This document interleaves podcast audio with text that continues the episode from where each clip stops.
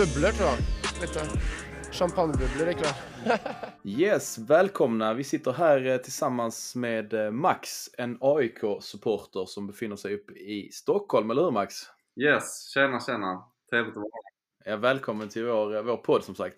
Vi har ju ett, ett inslag där vi, där vi hör av oss till, till motståndarsupportrar och kollar läget lite. Berätta kanske först vem du är så att folk kanske har en bakgrund till det du säger. Jag har ingen aning. Men presentera dig gärna och sen så får du säga precis vad du vill. Och sen därefter kommer mina frågor till dig Max. Ja, eh, exakt. Nej men jag är skåning som, som du hör så det passar väl bra in i er podd. Men eh, trots det så ligger lagsympatierna i, i Stockholm och har alltid, eh, alltid gjort så. Så eh, livstidsmedlem i, i AIK och eh, även årskortsinnehavare nu sen några år tillbaka sen jag flyttade upp till, till Stockholm från jobb. Så vardagen är mycket fotboll och eh, framförallt eh, AIK. Det är egentligen bara kul att, att, att tjabba lite med motståndarsupportrar. Men, men hur kommer det sig att du som skåning eh, blev AIK eller är AIK idag? Jag tror det, det snabba svaret är väl att släkten eh, kommer delvis från Vimmerby faktiskt och jobbat på Åbro som varit huvudsponsor till AIK i, i 20 år eller något sånt där. Så där fick jag en del och sen även lite bekanta till familjen som, som var AIK. Så första fotbollströjan jag fick var ju en AIK-tröja när jag var 10 och den sprang man ju runt med på, på träningarna nere i Ystad och blev, blev hatad av alla och det, det gillar man ju. Det är ju en del av vårt DNA i AIK så passade in direkt. Ja, och vi kan väl komma in direkt på min, ehm, min, eh, en av mina frågor som är det här, det här, som, det här mantrat ni har i AIK, det här vi är överallt. Ja okej, då var ni på skolgårdarna runt, runt Ystad, och fotbollsplanerna runt Ystad, även med din, din AIK-tröja när du var 10 bast liksom. Men eh, jag skulle som MFF MFF skulle säga att det stämmer ju inte riktigt att ni är överallt. Vad har du, vad har du, vad har du, alltså hur kommer det sig att AIK fortsätter med det mantrat liksom? Ni är ju inte överst i tabellen. Nej, sportsligt så kan vi väl rationellt sett inte säga att vi är den mest eh, framgångsrika klubben. Men det är klart vi är, vi är den klubben med flest medlemmar. Vi har en hög eh, svansföring, kanske för, för hög ibland. Eh, och sen, sen är vi ju mesta vinnarna i publikligan, så historiskt sett har vi varit stora där också, även fast såklart jag runt att Hammarby sprungit förbi här sista åren. Ja, nej men det, och det är som sagt, det där kan man ju, det där kan man ju älta med, med göteborgare, AIK-are och, och, andra Stockholmslag hur länge man vill. Det finns ju alltid någon tabell eller någon, någon, eh, någon eh, skön, eh, eh ledning man har i någonting. Liksom. Men så länge vi är mesta mästarna alltså, och för alltid nummer ett som vår podcast heter så, så kommer vi inte släppa den, den tronen ifrån Malmö. Men eh, vi ska vi glida in på matchen eh, på torsdag här. Vi sitter ju här eh, två dagar innan match och eh, du frågade mig om jag var nervös och någonstans så, så, så, är det ju så här att det jag har sett av AIK det är, det är att ni har vunnit tre matcher på Friends och spelat två, två förlustmatcher på, på bortaplan. Så att, att vi ska upp till Friends eh, på, på torsdag är ju lite jobbigare kanske än om ni hade kommit till Malmö. För där har ni väl inte heller vunnit sen, vad är det, 92 om jag inte tar mig eh, helt fel på, på, på åren här. Ehm, men kan inte du bara snabbt ge en kort, kort eh, resumé hur det ser ut mot Norrköping? För den såg jag inte och jag tror kanske våra lyssnare inte heller har sett. Nej, absolut. Nu, nu sitter man här dagen efter. Det är klart man, man mådde skit igår och det var mycket frustration. Samtidigt så nu en dag senare så, så var det en sån här match som var mycket stolpe ut. Vi har nog vår bästa spelmässiga match i år. Jag tycker vi är det klart, klart bättre laget faktiskt och, och skapar väldigt mycket. Men bollen vill inte in och vi släpper in några billiga mål och det är väl det som kanske varit frågetecknet kring AIK i år. Finns nian framåt och håller backlinjen tycker jag håller allsvensk toppklass men håller eh, målvaktspositionen, vilket man kanske också kan ställa frågan i, i Malmö, verkligen allsvensk toppklass och där, där är väl mer tveksam. Ehm, så en väldigt bra insats faktiskt om man kollar matchen. Sen så är det klart, förlora med, med, med 2-0 är aldrig bra, men det finns ju två lag vi har tufft mot de senaste åren och det är ju inte våra Stockholmskonkurrenter, där trivs vi rätt bra i derbyna, utan det är ju Norrköping och eh, och Malmö där vi brukar tappa poäng på, på regelbunden basis tror jag.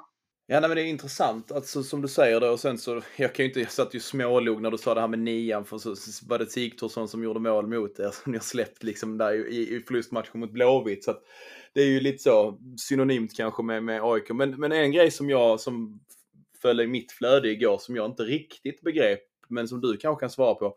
Det är ju det här med Rickard Norling, alltså AIK. Nu, kan, nu ska inte du få bära liksom försvarstalet eller liksom så för, för alla AIK eller de som reagerar. Men hur ser du på den situationen, hans målfirande liksom?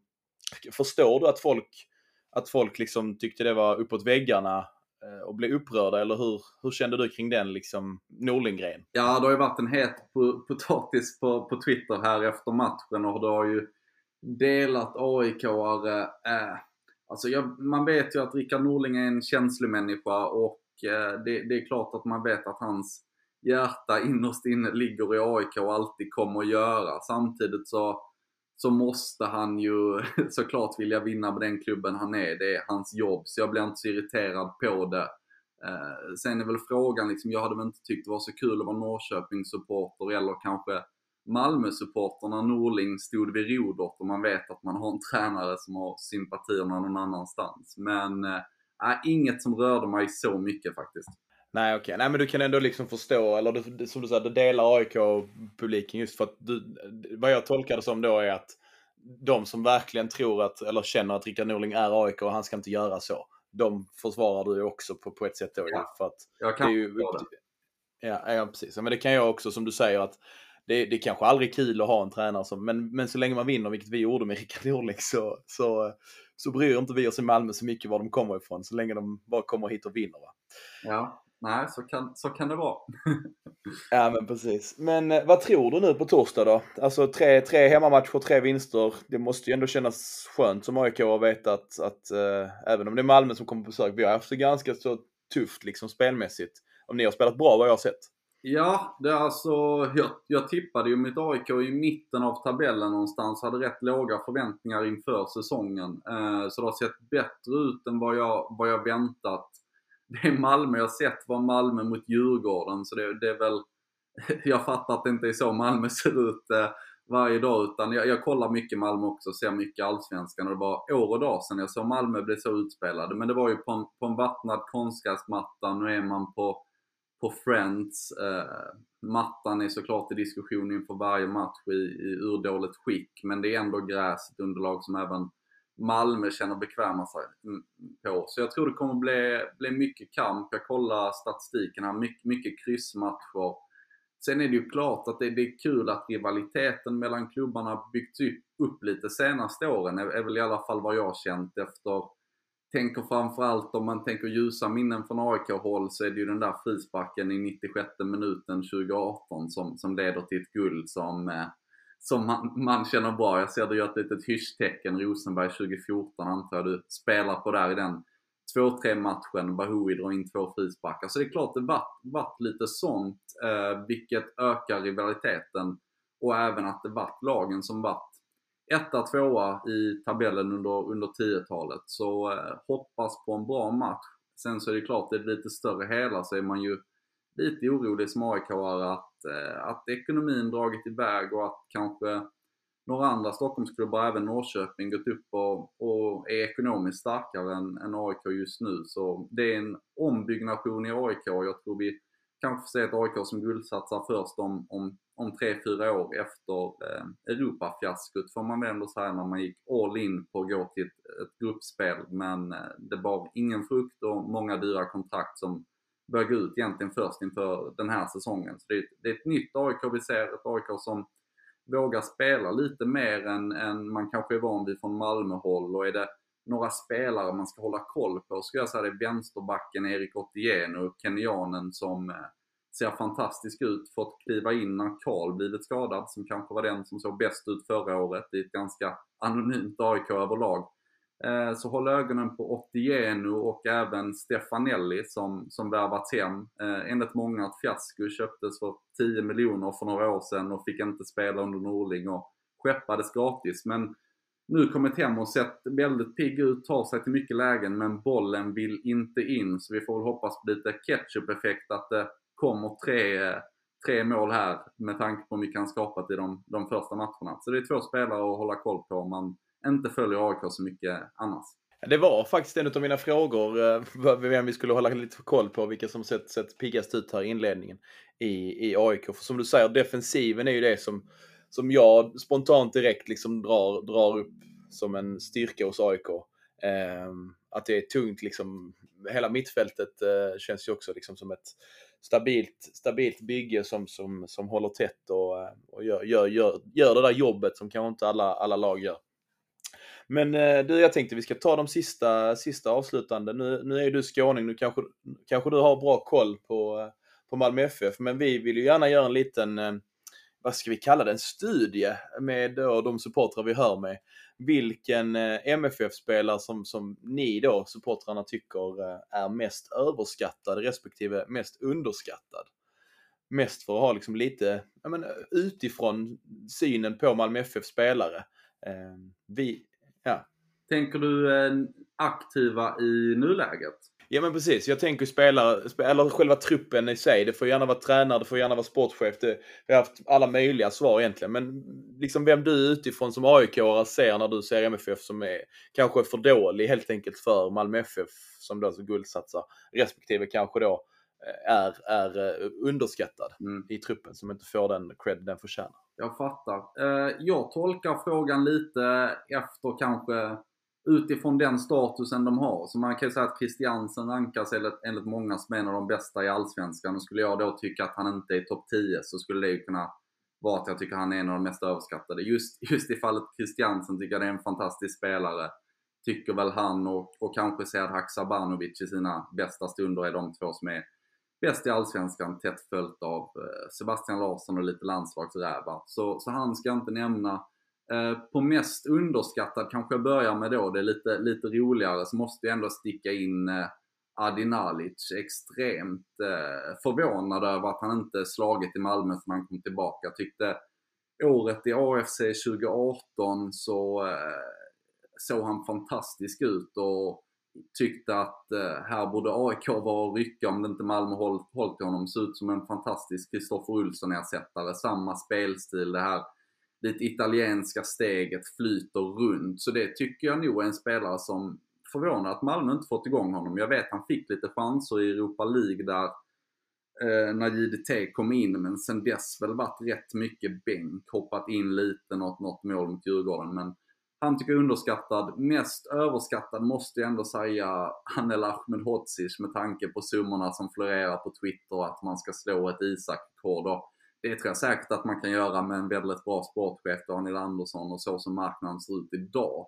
Men jag tycker inte att det är en 100 miljoners gubbe. Jag tycker han är lite för gammal och jag tycker att han är rätt så junior i vissa situationer och visst han räddar upp det med bra glidtacklingar och sånt här som blir bra highlights. Men tycker positionsspelet har mer att önska och tycker faktiskt att det är någon man kan sätta lite press på med en sån som Goitom som är smart, rutin och, och faktiskt utnyttja hans eh, svagheter i, i positionsspelet. Så, så de två väljer jag nog att sticka ut hakan på lite här så får Twitter vara efter mig när jag, när jag går efter Anel Medhodzic här.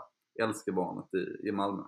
Ja men precis. Nej men och det är ju som sagt, vi ska inte försöka, jag ska inte försöka reagera, jag ska inte försöka eh, försvara någon eller liksom så. Men, men eh, intressanta val. Eh, så får vi se om vi tar upp dem med, med Marcus och med, med Gustav i podden när vi spelar in imorgon här. Men eh, det, det är kul. Jag, jag, tycker det är intressant för just själva konceptet att fråga just underskattad och överskattad. För att det är roligt tycker jag att få, eh, få bilden utifrån. För att vi kan ju ha vår som du sa, bild helt klar och vi alla tycker 100 miljoner är för lite för han eller så vidare. Att, att, att, bara höra någon annan input är, tycker jag är vettigt. Liksom. Så att jag hoppas verkligen att ni som lyssnar uppskattar det här segmentet också. Ehm, men jag tänkte vi ska runda av där Max. Nu har det gått en kvart här och eh, det var supertrevligt att få snacka med dig. Jag hoppas att eh, jag är gladare än dig på torsdag, torsdag kväll. Eh, att vi har vunnit uppe i Stockholm eller åtminstone kanske räddat ett kryss. Kanske så man får se det nu med, med Malmö FF-ögon. Att, att vi får vara nöjda där. Hoppas på en, på en, en, en bra match och jag tror det blir målsnålt. Det brukar det bli mellan lagen. Som sagt, stort tack för att du ställde upp Max, så uh, får vi se om vi, om vi hörs i framtiden. Här. Det gör vi. Ha det bra. Ha det gott. Hej. Vi har också vunnit SM-guld, precis som Bosse Larsson och Christer och alla de här. Vi tänkte uh, börja prata upp AIK-matchen som spelas imorgon, Gustav. Vi har ju full, eh, full omgång även denna veckan, eh, i mitten av veckan så att säga, onsdag och torsdag.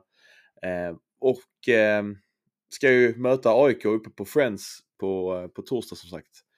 Vad, vad känner du spontant så här AIK borta? Eh, AIK borta så har jag ganska trevliga minnen trots allt. Eh, man har ju firat ett guld där uppe ändå så att det är ju alltid något som kommer eh, det är alltid en match man kommer komma ihåg hela den dagen, hela den resan upp och resan ner och, och, och morgonen efter när man skulle ta sig till, till jobbet och försöka vara människa. Det är ju något man kommer bära med sig och det fantastiska bränningen, det, den matchen också är också något man kommer, kommer komma ihåg under en längre tid. Eh, de senaste åren så har det väl kanske inte varit lika roliga minnen där uppe eh, sett till spel och resultat och absolut inga guldmatcher i, i och för sig heller. Men eh, det är väl, det är väl ett, eh, ett ganska godkänt minne generellt sett. Det är inga enorma dalar vad jag känner. Nej, men det är, väl, det är väl lite som du är inne på. Det. Jag tycker, tror någonstans att många, många supportrar med oss tänker tillbaka på matchen 2014 när vi, när vi tar guldet. Rosenbergs patenterade finger, eh, finger över munnen liksom. Och, ehm, och allt från, ja men allt från egentligen deras, deras liksom budskapsbanderoller som, som väl löd någonting i stil med posörer i babyblått, eh, norra Danmark, eh, största luftslott, deras klassiska rim, rimstugebanderoller och, eh, och det här eh, som du var inne på, fond, fondbränningen från oss och sen så var det ett ganska schysst, eh, vad jag minns också, tifo från AIKs håll med Råsundas legendarer. Så att den matchen, eh, den hade ju allt. Den hade till och med stormning efteråt från, eh, från firman ju. I, i Stockholm liksom. Så att eh, nej, det, eh, det är väl det minnet man drar sig till, eh, till, till, till, till sig först helt enkelt. Men ehm, alltså statistiskt sett, om vi bara tittar, tittar snabbt, så har vi inte vunnit där sedan 2017. Men vi har å andra sidan inte förlorat där heller sedan 2015. Och eh, någonstans med den inledningen vi har haft Gustav så känner väl jag typ någonstans ändå att ett oavgjort resultat är inte så, så dåligt att åka hem med i, imorgon från Stockholm. Men vad känner du? Måste vi vinna imorgon? Ja, eh, ja och nej. Alltså jag, min grundprincip är någonstans ändå att vinna hemma vinna borta mot de lite sämre lagen och så kan man acceptera kryss i de, i de absolut svåraste matcherna. Då har man ändå skapat sig en buffert där man kan gå på minor. Nu har vi kanske redan gått på en mina i, i, i, i Djurgårdsmatchen och vi gick på en mina mot Östersund. Eh, så att och det finns nu ett litet, litet gap upp till Djurgården redan. Men å andra sidan, säsongen är lång. Eh, inget lag kommer gå rent. Eh, som jag och Marcus pratar om, att inget lag kommer liksom vinna 30 av 30 matcher även om man som supporter dumt nog tror det varje år. Eh, så att absolut, kryss där uppe är inte, det är inte så att jag skulle vara jättemissnöjd men samtidigt är det klart att med deras säsongsinledning och med deras fjolår så är det väl klart att man, man åker dit med, med förhoppning och eh, en förväntan att det ska bli seger liksom. Ja, det, det, är alltid vad du ska tjata om det och mana till lugn och ha dig liksom. Det, jag känner någonstans så, så här att nu, nu går vi in i ett tätt matchande kommande vecka, vecka, veckor här. Och eh, jag känner väl någonstans att för att vi ska kunna liksom ta, ta sats och ha ett bra avslut på den här korta vårsäsongen så tror jag att det är ganska viktigt att vi i alla fall gör en bra prestation. Eh, snarare än kanske tittar för mycket på resultatet. Jag tror att liksom spelar vi oavgjort 1-1 men vi har spelat en bra fotbollsmatch. Vi har liksom satt vår press, vi har satt vårt försvarsspel. Eh, och de drar in en frispark för att vi vet att de har dukt, en duktig frisparksskytt i Sebastian Larsson. Det är bara att säga liksom, ja, då, då, eller en hörna eller vad som helst. Något som inte liksom kanske är så illa att släppa in om man säger så, även om vi såklart vill hålla nollan. Det är inte det jag sitter och säger. Men jag, jag tror, jag tror Malmö FF kommer tjäna mer på en bra prestation än nödvändigtvis tre poäng och då kanske kastspel. Eh, vad tror du om den, liksom, den, den eh, vinkeln på det hela? Liksom? Nej men det är klart att det är eh, någonstans med de matcherna som är kvar fram till sommaren så är det väl en jätteviktig grej att vi spelar bra, att vi, att vi levererar en bra fotbollsmatch. För att det är väl någonstans, även om, även om poängen har kommit in så, så har det väl inte sett jätteövertygande ut. Och vi behöver en bra prestation eh, att, att bygga vidare på inför nästkommande matcher som ändå är Kalmar, Elfsborg, Örebro. Matcher där man kanske på förhand, precis som jag sa innan, förväntar sig 9 poäng. Kommer vi ta 9 poäng om vi går in där med en dålig prestation i ryggen? Jag är inte helt säker. Och därför så är väl kanske en, en bra prestation med där man offrar trepoängaren eller vad man ska säga prioriterad. Eh, eller ja, huvudsakligen är en bra prestation. Ja, nej men och det, det, jag tror, det, det har vi hört nu i intervjun med Max också, att, att det blir ju tillknäppta tillställningar, det blir ofta målsnålt liksom. Senast var ju 2014, just som vi redan har varit inne på, som några av våra bra minnen, när det var liksom fem mål i matchen. Annars är det ju under tre, tre, tre mål har ju varit de senaste årens liksom melodi. 2-2 kanske har varit någon gång. Ja, det, det där är något jag inte har kollat upp, men hur som helst. Eh, vad, jag, vad jag tänkte Gustav, ska vi kolla lite på, på eh, den stora följetongen i veckan kanske, som då kanske inte eh, vi kommer att djupa, eh, dyka något djupare i. Det här med Puma-avtalet kommer vi kanske behandla lite längre fram, men den andra snackisen har ju varit Johan Dahlins eh, återkomst. Vi fick ju läsa här idag innan vi spelade in att, att han åker med som ett, som ett tredje alternativ upp till Stockholm. Eh, och just Marco Johansson, vi, vi, vi, har ju inte velat kasta, kasta någon skit på Marco Johansson, men både du och jag är väl ganska rörande överens om att det är viktigt att, att Johan Dahlin kommer tillbaka eh, väldigt, väldigt snart, framförallt inför ett Europaspel. Och jag, jag hade en liten tes som jag drog med en, en, en vän jag träffade idag, eh, som kanske kan kännas trygg och skön att nu, det här är 100% killgissning, så ni som inte gillar det spolar fram ett par minuter. Men, men att Johan Dahlin eh, kommer att stå mot Kalmar istället för mot AIK, just för att det skickar signalen till Marco att du står den här viktiga matchen på torsdag mot AIK. Eh, du har varit vårt första alternativ den här säsongen när den startar. Och Johan Dahlin kan då få spela hemma mot Kalmar eh, i en form av rotationsprocess eh, när man fasar in honom och fasar ut Marco Johansson igen då om man säger så. Vad tror du, eh, vad tror du om, den, eh, om den tesen? Kan, det, kan inte det vara något vettigt för Malmö FF att, att lyssna på? Jo men det är klart att det kan ligga någonting i det att, att man liksom vill hitta ett, ett lättare schema för Johan Dahlin att komma in i nu. Eh, kanske mindre pressat schema för honom rent personligen också. Jag tänker bara på det för att förra, förra året när han faktiskt till slut försvann eh, helt på grund av sin skada så var han ju tänkt att starta mot Honved om jag inte har helt fel för mig i Europakvalet. Han hade varit borta en period, kom tillbaka, var tänkt att starta men bröt på, på uppvärmningen. Och därför så är det väl vad ska man säga, betryggande i alla fall sett till, till Johan Dahlins vara eller icke vara att han inte bara kastas in i match nu det första som händer. För att vi vet ju vad som, eller nu ska jag inte säga att samma sak kommer hända om han stressas in i spel den här gången. Men vem vet, hans, hans långvariga frånvaro hade kanske varit kortare om man lät honom stå över Honved-matchen i fjol och kanske rehabilitera sig fullt ut istället. För det är en match vi kanske hade vunnit med eh, Mattias Nilsson eller Marco Johansson som till och med var tillbaka i truppen redan då. Ja men jag tror också att det skickar, skickar ju rätt signaler till Marco Johansson att alltså han är 22 år gammal. Kan du säga att du vet hur Johan Dahlin såg ut när han var 22 år gammal i sin fotbollskarriär? Det, det, det, alltså, folk jämför ju äpplen och päron på ett sätt som är, ja men ibland hisnande, tyvärr.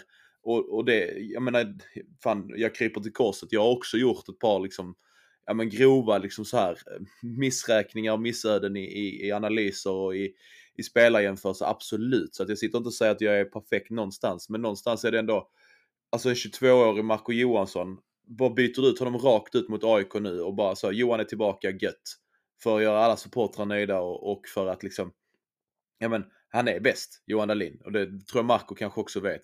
Det, det, skickar ju enormt fel signaler till en så pass ung målvakt som, som Marco Johansson ändå är. Och jag tror Malmö FF tror mycket på Marco Johansson. Just för att han besitter den kvaliteten som kanske Johan Dahlin saknar. Den här snabba speluppfattningen, sätta igång bollen snabbare och spelet med fötterna. Så att jag tror att eh, Malmö FF nog inte vill, vill sänka Marco, vilket det kanske hade kunnat bli. Det är återigen en killgissning och spekulation, men det är ju det vi har att gå på.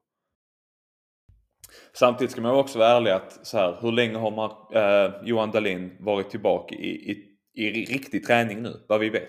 Vi vet att han har lirat en internmatch för typ en vecka sedan eh, och tränat ett par fulla träningar innan det. Det är inte jättemycket han kan ha hunnit med Eh, eller hunnit komma tillbaka in i matchform på den lilla tiden. Vi vet liksom inte vilken status han har. Vi vet inte exakt vilken nivå han håller nu sett till liksom ja, vad ska man säga, hans formtopp, hans fysiska status. Han kanske har en liten period han måste hitta tillbaka också. Inte bara att han ska så här okej, okay, Johan Dahlin är tillbaka i full träning, då ska han starta direkt. vi vet inte. Han kanske har gjort som vi andra och legat på soffan i, i ett år och, och ätit chips och druckit öl. Det, eh, även om man är elitidrottsman så är det kanske inte bara att gå från 0 till 100 dag 3 liksom.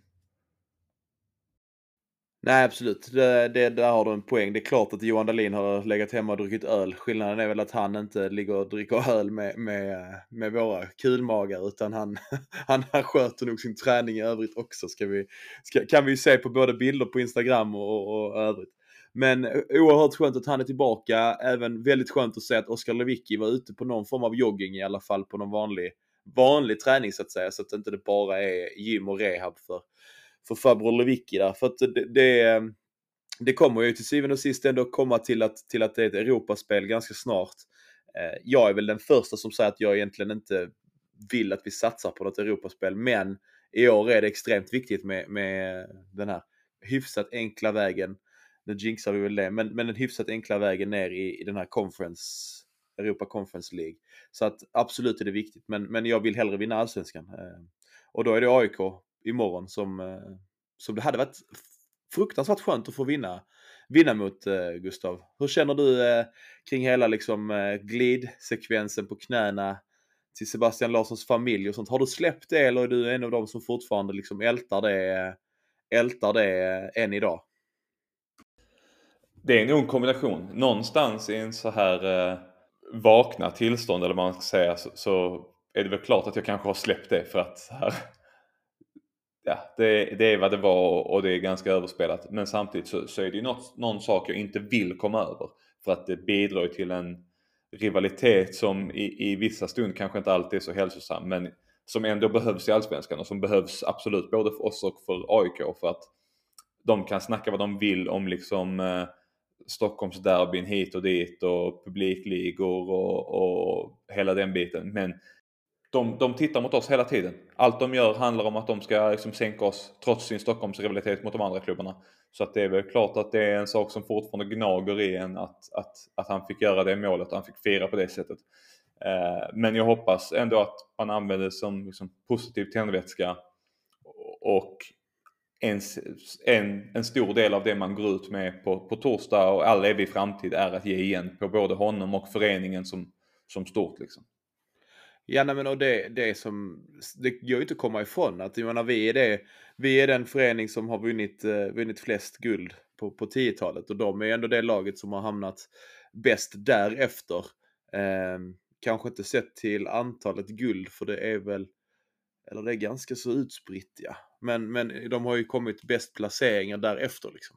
Så de är väl den bästa förloraren av, av de alla allsvenska lagen och det, det bidrar väl också någonstans med en en rivalitet liksom att de, som du säger, de ska ikapp de ljusblå jävlarna och, och de ska, de ska slå oss och de ska eh, åka ner till norra, norra Danmark och, eh, och, och vinna liksom. Så att nej men, men eh, det ska bli spännande och det, tittar man på AIK-laget så är det ganska så, så, så naturligt hur de kommer att ställa upp om de kan ställa dem de vill på banan. Känns det som. Mikael Lustig till höger kommer ju ta platsen igen, annars är det samma elva som de har haft de senaste omgångarna med, med eh, Sotti som mittback och, eh, och Otieno till vänster som även Max pratade om är, är duktig liksom, i det offensiva spelet. Ehm, och sen Goitom och Stefanelli där framme som, eh, som, som spetsar liksom. Så att, så att jag tycker någonstans ändå att det är ett bra, en bra elva de ställer på banan. Sen är vår trupp bredare. Och det är ju det som är så skönt att se nu senast när vi slänger in liksom Rex och Berget och kan totalt förändra en matchbild. Eh, och även då att, att Pavle Vagic som är för oss ganska oprövad kommer in och gör det så pass bra. Det, det tycker jag är en styrka som kanske inte AIK besitter. Och det är väl just Pavle Vagic där som kanske är ett av de stora frågetecknen i MFF inför, inför morgondagens match. För jag, jag är ju ganska övertygad om att både Berget och Rex startar. Eh, de vilar sist för att liksom inte vara helt utslitna men, men den stora frågan, eller de två stora frågorna är ju eh, Pavle Vagic om, om Jon Dahl Tomasson fortsatt vill forts, eh, försöka få igång Erdal Rakip bredvid AC, vilket jag inte tror och inte hoppas på. Eh, även om jag gillar Erdal så har det ju inte funkat. Och sen är det väl kanske vem som eh, startar bredvid Anel. För att Det är väl egentligen de, de två frågetecknen vi har i vår startelva. Ja, du menar överskatta Anel enligt eh, AIK-supportern Max ja. Ja men precis. Eh, jag måste bara spinna vidare på det för jag tycker det är så kul. För att eh, nu ska det bli lite så här eh, emotionellt nästan. Eh, jag, är, jag gillar traditioner. Jag gillar att fira jul, jag gillar att fira påsk och midsommar hela biten. Så jag gillar traditioner. Och det här är en uråldrig spaning, jag vet. Men jag tycker att den finaste traditionen vi har nästan är den här sanslösa AIK-hybrisen.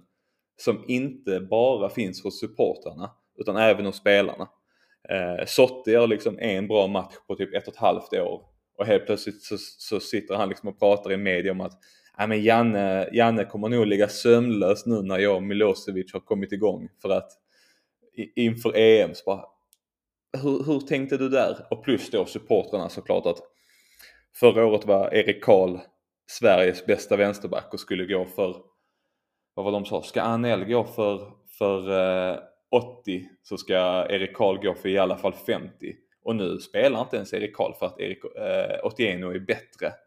Och då undrar man ju vad ska Otieno gå för? Är det liksom 70-80 miljoner han också eller är det bara kanske kanske läge att inse att man har lite väl höga tankar ibland om sina spelare.